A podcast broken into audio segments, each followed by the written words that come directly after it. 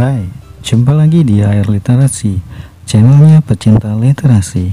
Kali ini kita akan membahas sebuah buku karya dari Eric Weiner yang berjudul The Geography of Genius. Seorang penulis berkebangsaan Amerika Serikat ini menulis sebuah buku yang sangat menarik tentang beberapa kota di dunia yang pernah disinggahinya. Kota-kota yang melahirkan para jenius yang terkemuka dalam sejarah.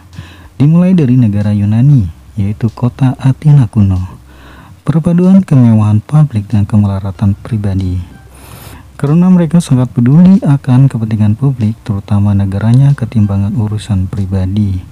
Wow, sangat cinta negara sekali ya mereka ini.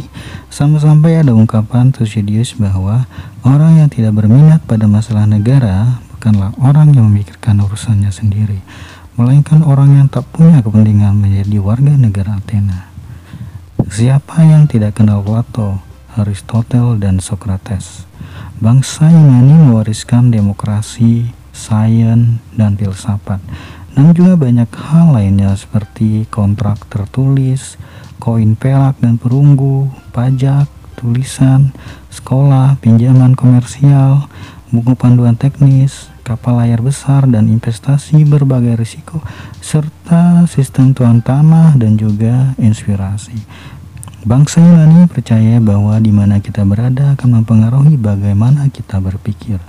Dahulu, Socrates menemukan ide selalu ketika ia berjalan kaki, seperti kebiasaan warga agak seperti kebiasaan warga Athena. Mereka suka berjalan kaki, dan Homer adalah penulis pertama di dunia dan orang yang pertama pula mengalami kebenaran ide karyanya yaitu Odyssey. Mereka hidup dengan sederhana dan menyerda, menyederhanakan hidup. Mereka hidup dengan sederhana dan menyederhana.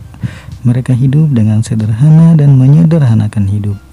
Jadi nggak heran tidak ada kuliner yang memanjakan di kota ini. Mungkin ribuan tahun yang lalu Yunani terkenal akan kejeniusannya cara berpikir mereka dan bertindak. Namun gini, bagaimanakah saat ini?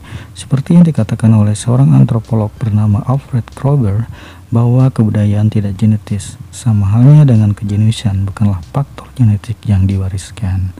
Oke, sampai di sini buku Eric Weiner. Kita lanjutkan di part berikutnya di video berikutnya. Jangan lupa like dan subscribe ya. Salam literasi.